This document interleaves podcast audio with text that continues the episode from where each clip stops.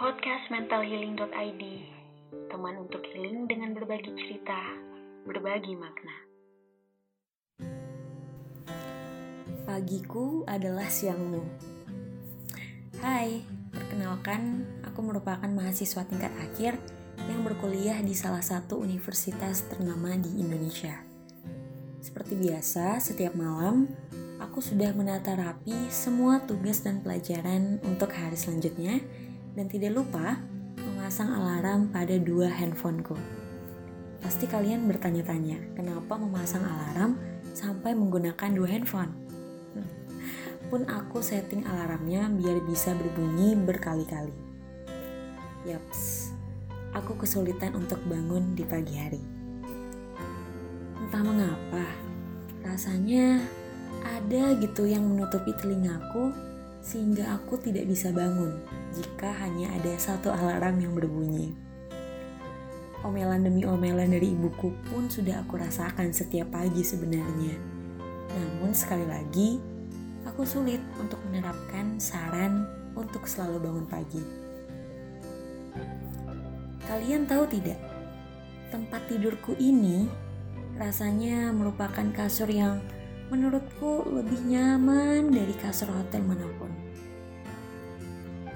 Rasa empuk dan aroma wanginya ini membuat aku betah untuk berlama-lama diam di atasnya. Kayaknya sih ada gravitasi yang besar deh yang bisa menahan dan menarik tubuhku agar menetap di sini.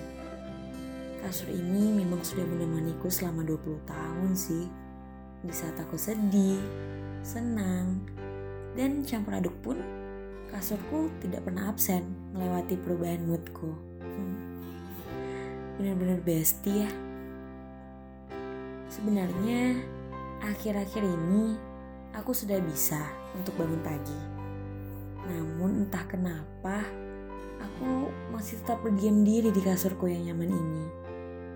Aku sudah melek dan melihat sekelilingku tepat pukul 6 pagi. Namun, ragaku masih lengket pada kasur kecintaanku. Seperti biasa, aku butuh waktu barang 1-2 jam untuk bisa bangkit dari tempat tidurku. Hmm, apakah kalian sedang merasakan hal yang sama denganku? Lebih parahnya lagi adalah aku memiliki keinginan untuk berada di kasurku selama 24 jam saja seharian. Seperti melakukan aktivitas main handphone, dengerin musik, menonton film, sampai tertidur di tempat tidur. Ah, kalau sudah seperti itu, di mana letak produktifnya ya? Wah, memang sudah tidak benar deh kalau aku meneruskan kebiasaanku ini segala aktivitas dan kewajibanku jadi tertunda hanya karena aku lebih mementingkan egoisme di dalam diriku. Oleh karena itu, mulai detik ini, aku akan mengurangi kebiasaan begadangku dan membuat suasana kamarku menjadi lebih nyaman. Aku akan selalu semangat untuk bangun pagi. Kalau tidak ada niat dalam diri sendiri, siapa yang akan mengubah kebiasaan jelek tersebut? Oh iya, satu lagi, aku akan mencoba untuk rileks serta memperbanyak membayangkan hal-hal positif sebelum aku tidur. Salah satu sumber yang aku baca berkata bahwa kesulitan bangun pagiku ini karena terlalu banyak pikiran dan rasa cemas. Oleh karena itu, aku akan menanamkan mindset bahwa aku harus istirahat, meredupkan cahaya kamar, menenangkan pikiran, dan memilih bantal yang empuk dan nyaman, lalu perlahan-lahan mulai memejamkan mata.